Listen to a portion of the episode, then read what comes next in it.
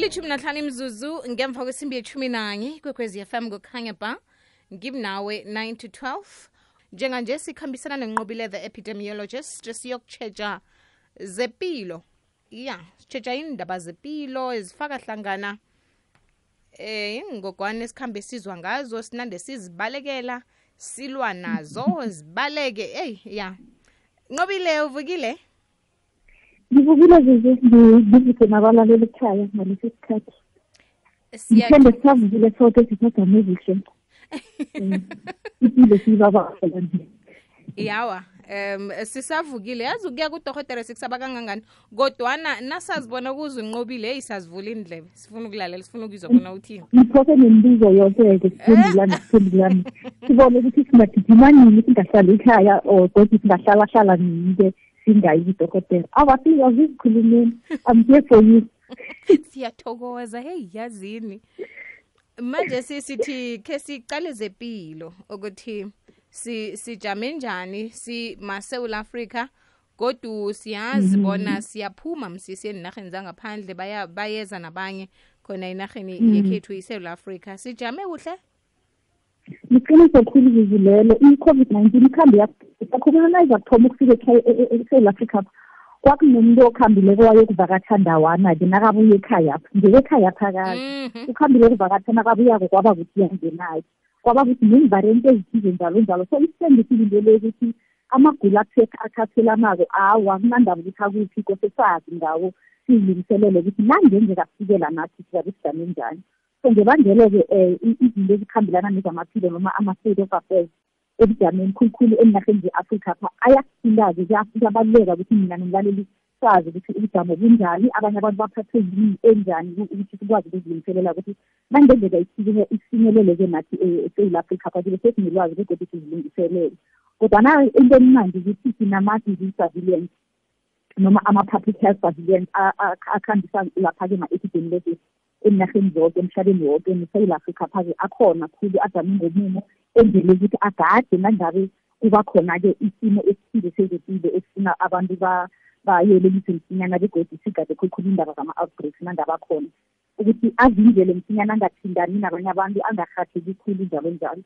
So kusesenjalo-ke um emhlabeni wokana-ke into ekhona eziyi- ezima um eyiyi-health concern ngoba amagulo akhona wona maningi ahlala khona ngitsho kodwana kunalapha-ke avane arhatheke khulu noma-ke abe nomthelela othize ezikweni lezamaphilo nebantwini abaphilako agcine kuthiwa ma-health um emergency of esikhathini sakade emhlabeni woke siqalisise khulukhulu indaba ye-covid-19 siyazi ukuthi esewula afrika pha-ke asisayiqalisisi khulukhulu ngendlela besiyiqalisise ngako kodwana siyayibona ukuthi kwezinye iinarha isaqalisisiwe khulu begodwa isabulala khulu abantu sesenamandla-ke ezinye iinarha ezingasiyisewula afrika sona siqala-ke ngelihlo emhlabeni yoke i-covid-19 into esesekhona nesakhulunyiswako nesaqalisiswako ngobana sabona ukuthi abantu abakuhamba emhlabeni basekhona bekodwa iqalisise nathi indaba yepolio. Ipolio lesezayikhulumisa njenyangeni ezidlulileko sathi ikhambi yaqekike emalawi kudlula yathoma yabonakala emalawi begodwa yabonakala emozambique. Bese ayibona-ke ilondon yayiripota-ke ne-new york yayiripota-ke. Khulukhulu itholakala godi nibabili asele babakhulu-ke so siyabona ukuthi imithelela yakudlula ngama-covid-19 kwaba ne-lockdown kwavala ukuhanjwa nikaphasi phezulu. Ngalokho-ke kwathinteka nokuproducer noma ukulethwa yenhlahla nama-vaccine. Nabantwanya-ke abantwanyana-ke abakuhamba iinklinika zange bakhona ukuzivakathela ngendlela eh, ya- yakhona. Begodwa i-w h o yasitshela-ke amalanga la ukuthi abantu aba- abamise noma abangakatholi imijovo yabo abantwanyana baningi khulu ba-more than um, ama- imiliyoni so lokho-ke kusho ukuthi ingogwane zona zihlangana nabantu aba- abangakatholi i- imijovo yakhona iyo ziyabagulisa. Sesiyabona ilondon new york le yaripota ukuthi beku- bekunabantu-ke abatholakala ukuthi baparalyze ayikhumbula ukuthi ipolio iyakuhamba iparalyze umuntu um indima ngaleyo ndlela. So bona abantu babe-paralyze nje iyatshengisa ukuthi i-circulation noma hlangana nemiphakathi ukuthi iphezulu. So njengoba sitsho-ke ukuthi eri global level siwarid ngendaba ye-covid-19 khulukhulu kwezinye iinarha ezingasisewula afrika kube yipolio leyo begodwa kube yi-monkey pox. Sayibona ukuthi irhathe kakhulu begodwa um bakuhamba baripota ukuthi sekunabantu-ke abakuhamba basifika-ke emhlabeni kwezinye-ke iinarha nokho ezingasi um yi-afrika noma yisewula afrika bese nasibika-ke ekhaya-pha-ke khulukhulu e-afrika kunento ezifana ne-drought kunesomiso esibonakele khulu bayibiza ukuthi i-horn of africa ihlanganisa nabo kenya inarha ezingaleke ehlanganeni afrika i-drought le noma isomiso senza sibe ne-food insecurity. Sakhombisa ukuthi i-food insecurity kulokhu ukuthi abantu bakhona kangangani ukuthi bathole ukudla banethezeke lapho bahleli khona. Kodwa mina kunesomiso nathi nesomiso nje ziyafa intshalo njalo njalo abantu bakateleleke ukuthi abakhiphiseke bafike endaweni engcono-ke abangakhona unakelela kakiyo bangakhambi babhubhiswa i-dehydration into ezinjengaleyo. So ukuhambiswa kwabantu from place to place nje bakhambe bafundise noma mhlawumbe kuneziphi noma kunama-natural disasters afana nemikhukhula noma ama-drought isomiso esikhuluma ngaso. Kukhamba kuthinte indaba yezempilo njengobana abantu baba baku-risk yokuthi kuzaba nama-outbreak akhambelana nokudla. Ama-foodborne outbreak abantu bayakhamba bazokuthulila-ke bakhambe baphathe ukugula okuhamba ngenxa yokudla noma ukudla oku-contaminated okungakahlanzekisisi begodwa lapho bathuthele khona angithi iziko lezamaphilo lesouth africa sengimzekele nalasazi ukuthi esouth africa abantu bahlanu esibanakelelayo nje-ke all of a sudden kube nabantu abayi-hundred abalethwako ngenxa yokuthi babalekiswe babalekiswa from eminarheni yangikhabo beza ngapha. Isho ukuthi-ke thina-ke ngapha siba stress noma-ke yiningi-ke izinto kose siyi-supplya supply iinhlahla ezihlanu noma-ke iimphanado ezihlanu njalo njalo-ke. So kungakho-ke ukuphidiswa kwabantu from place to place kukhambe kuthinte indaba yezamaphilo. Begodwa i-monkeypox iyabonakala-ke e-afrika ikhona kodwa kade ikhona-ke ibholo esiyikhulumisako leso izinto ezisematheni-ke um nesiziqalisisisileko-ke um ama-disease surveillance nazigadileko ukuthi izinto ezingaphumi elawuleni esikhathini sakhathesi. Kuyezwakala khe sipote ngapha siyambuye sithini isindebele? Ifundiso yesiko lethu ilwazi ngendlela yokuphila kukandebele. Imiraro nensombululo ngubranko nkambule kunolenkasikhosana nonomlungisi uthobile mahlangu ngabosondo ngesimpi yesithandathu ntambama sithini isindebele? Ikwekwecfm kukhanya ba imathumi amabili nantathu imzuzu ngemva kwesimbi yethumi nanye ikwekwezi fm kukhanya ba sisakhambisana nenqobile the epidemiologist sitsheja zepilo. Nqobile uthi indaba esizwako nge-covid-19 kwanga izokusahlela godu lihlanda lesithandathu. Into ezifana nalezo kufanele sisi sithuke namkhanjani? Sisazokubuyela ekutomeni apha lapha besikhona ngoba sizitshela ukuthi hawa msisiphunyurhile namkha sinqobile njengawe nje. Ngibaluleke khulukazi-ke bengiyiwe kunokunyanya belekhuluma kiwo-ke wabomama-ke nge-weekend nje engakuhamba-ke nekhaya besihlehlekele Oh. kodwa la ngikhamba khona-ke kwandebele kade-ke ngizayo kwandebele. Ngakho la mm. bangikhamba khona bathi nangu ngine-COVID ah. ngine-COVID leya mizizi. Ngokobela ukuthi into yami leyo iphelile ngiqedile ukuthi maye mna. Ongethu. Oh, emoyeni ngendlela khona sikhazelani. Abayizakhambi ngithemba ukulalela umngomiso. I-COVID-19 isinezizi asakayiteki begodwa ayikakhandi. Ayinawo mm. njengoba sine-HIV namhlanje. Solo mm. sine-TB namhlanje. Nemantikofleti yakho ukuthi ikhulumisa ukuthi solo yasungulwa noma yatholakala ngabo-1958.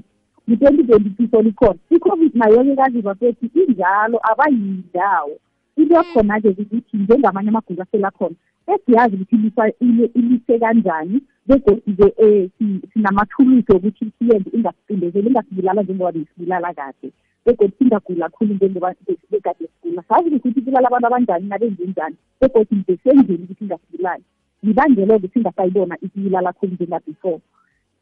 Ubujamo be-covid-19 esewula afrika njenganje nge-under control inomboro ziphasi khulu. Zenza ukuthi izizi sine-thirty percent yabantu abathole imijovo esewula afrika iphelele. Isewula afrika sazi ukuthi ina-sixty million yabantu abaphilako. I-thirty percent ye-sixty million leya seyitholile imijovo yabo i-covid-19 kodwa kanazi into ebaluleke khulu more than ninety percent ye-sixty million leya siyaphathwa yi-covid-19 immunity noma amafefa womzimba ahlanganise hlangana ukuthi abantu sebaphathwa yi-covid-19 abanye-ke bathola imijovo. Ngalokho-ke ayisabi namandla ngenye yembezi ezimbili. Kodwa into ebaluleke ukuvula ezihlangana nembembile eyenza i-covid-19 singasayiboni vula lakhulu sikhuluma nje sinabantu aba-more than three hundred thousand esewula afrika apha abakhambileko that is suggested ukuthi bakhambise i-covid-19. So siyakhuluma ukuthi ayibulali noma kungubani ayilalisi phasi noma kungubani. Ikhamba ithinte khulukhulu abantu abanamafetha womzimba aphasi. Ihlanganisa abantu abakhulu noma abantu aba- abaphethe kugula ekuthize emzimbeni nabo so sikhuluma we paid a very high price yabantu abayi-more than seven hundred thousand esele basile emhlabeni. Kutho khona-ke ukuthi babantu bama-immune system noma amasotsha womzimba aphasi. So ngalokho kungezintathu lezi engiyikhulumako i-access best ye-three hundred thousand abantu aba-more than thirty percent abathole imijovo kube babantu abayi-more than ninety percent abathole i-covid-nineteen ekhe yasiphatha so ngebangelo-ke kungakho-ke kungasenamandla phezu kwethu so noma iyeza noma yizi ilalela angasuki kakhulu remain vigilant noma siyigasile ukuthi ikuhamba njani i-disease surveillance leni siyikhulumise nayo ukuthi mhlohlo iberega njani iyini so ama-disease surveillance le agadile ukuthi ubujamo bujame njani be-covid-19 noma be-monkeypox noma kuphi na ukugula noma izinto ezithikameza zezempilo izinto naziphumela uyeni zilethe ilwazi kubantu abaphetheke imikhulu zezempilo nebantwini bonke ukuthi bajame ngomuno ngendlela khona kodwa into engingayitsho ngenxa indaba ye-covid-19 le umlayeli abangaphuzwa noma ngathi kune-wave yesingathi neyesingathi sengabuza mhlaphandle ngathi izizu nange ngakubuza nje ukuthi njengoba ngenisika nje i-wave yesingathi yesibili ekhona? Uyathola ukuthi sesiyadlula-ke nangale kwa-thousand.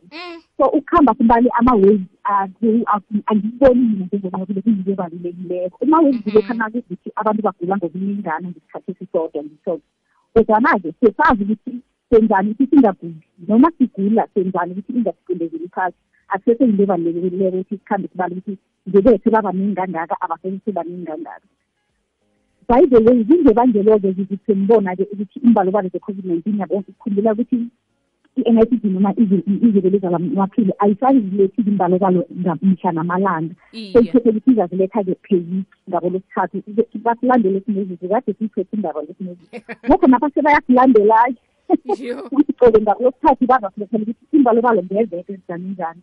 Kungobana-ke i-disease surveillance esikhuluma ngayo leya ikhambe yakufundisa ukuthi okwanje i-covid-19 ayithethe namandla kakhulu begodi kunamanye ama-health matters noma izinto ezithikameza zezempilo ezibuhaba nezifuna itshege khulu ukudlula-ke mhlawumbe i-covid-19 ngoba yokho nokho yona sengaphathi kwelawulo senemayiphi zizu abantwanyana abakuhambe emhlabeni ngenxa yokuthi badle kuhle abakhuli kuhle-ke amasotsha wabo omzimba acindezeleka phasi. sesene-T B ethatha millions and millions of yabantu eSouth Africa sesene-H I V siyazi ukuthi i-H I V ngiyenza abantu bakhambe ngama-pneumonia ama-T B njalo njalo ama-opportunistic infection begodwa zimbalobalo eziphezulu khulu eSouth Africa sasazi ukuthi i-epidemic ephambili. Emhlabeni wonke akuna inarha enenomboro eziningi ze-H I V ezindlela eSouth Africa kubeke nemalaria besizikhulumisa mhlapha-nje nakamagulo ayacukuza ngapha ngapha ngendlela khona. Ngebangelo-ke le engasenamandla vane sithathi ayisese yi-priority akutsho ukuthi ayisekho ikhona igadile kodwana-ke ayisese yi-priority esikhathini sagadesi kuhamba sithethe ukuthi ngengiphi ebulala khulu ngaleso sikhathi ngengiphi eyingozi khulu ngaleso sikhathi.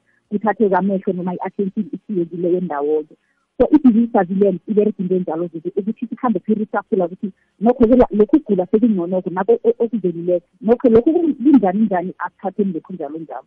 So awa-ke ngoba ngathi iyezi esingathi umlaleli abangakhathazeka ngithembe ukuthi phela umjovo wakhe khulukhulu emntwini oneminyaka engaphezu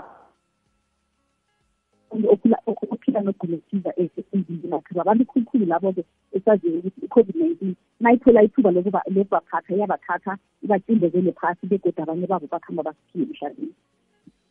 Sesivala nqobile um indaba ukuthi siyazi kezinye inarha kuyaliwa um kokhunye indaba yokuhlogeka kwemisebenzi njalo njalo. Sithindeka kangangani um ngehlangothini lezepilo? Um siba namkha siba sengozini engangani nakunjalo? Ubungozi njengoba sithe ekuthomeni phabuzizi njengoba mhlawumbe kuyaliwa zile zipi noma kunama-natural disasters afanele phakathi inkhukhula noma isizeni njalo njalo. Ukudla abantu abakhona ukudla kuhle abantu abakhona ukuhlala endaweni ehlanzekileko nendaweni ecophileko abakhona ukuvakathela emtholapilo namagula anjalo njalo and siyazi ukuthi sibabantu siyagula bese sithethe amagula ahlukahlukeneyo alo-ke nathi sesinyenyezelene endaweni eyodwa ngenxa yokuthi siyabaleka endaweni ethize siyathelelana ngogula esinawo amasoso emzimba akajami kuhle begodwa siyakhona ukumisana emvathini omunye kose akuthole yakhe yenyimbi omunye kose umntwanyana kose akuthola yerotha noma yenyimonia njalo njalo so izinto impilo yabantu ikuhamba ihlukumezeke ngendlela enjalo. So akubi ne-quality health care noma iziko lezamaphilo elikhona ukubakhavarisa kuhle ngaleso sikhathi abantu abo begodwa nalapho babalekele khona bokuhamba kube ne- na- ama-health system walapho nemiklinika lapho nagathi sijwayele ukubona abantu ababili bese kubona aba- aba-hundred ngaleso sikhathi ngoba kunabantu abathidisele kuleyo ndawo. So ukuhamba ukuthidiswa kwabantu kungenxa yemizafisizekazi lezi mhlawumbe kunezifu noma ama-natural disasters. Kwenza-ke kube ne-transmission yamagulo athathelanako khulu. Begodwa lokho-ke um ngenxa yendaba zama-food insecurity noma kungatholakali kuhle kokudla kwenza-ke kube nama-malnutrition hlangana nezinye-ke amagulo athathelanako azaba khona.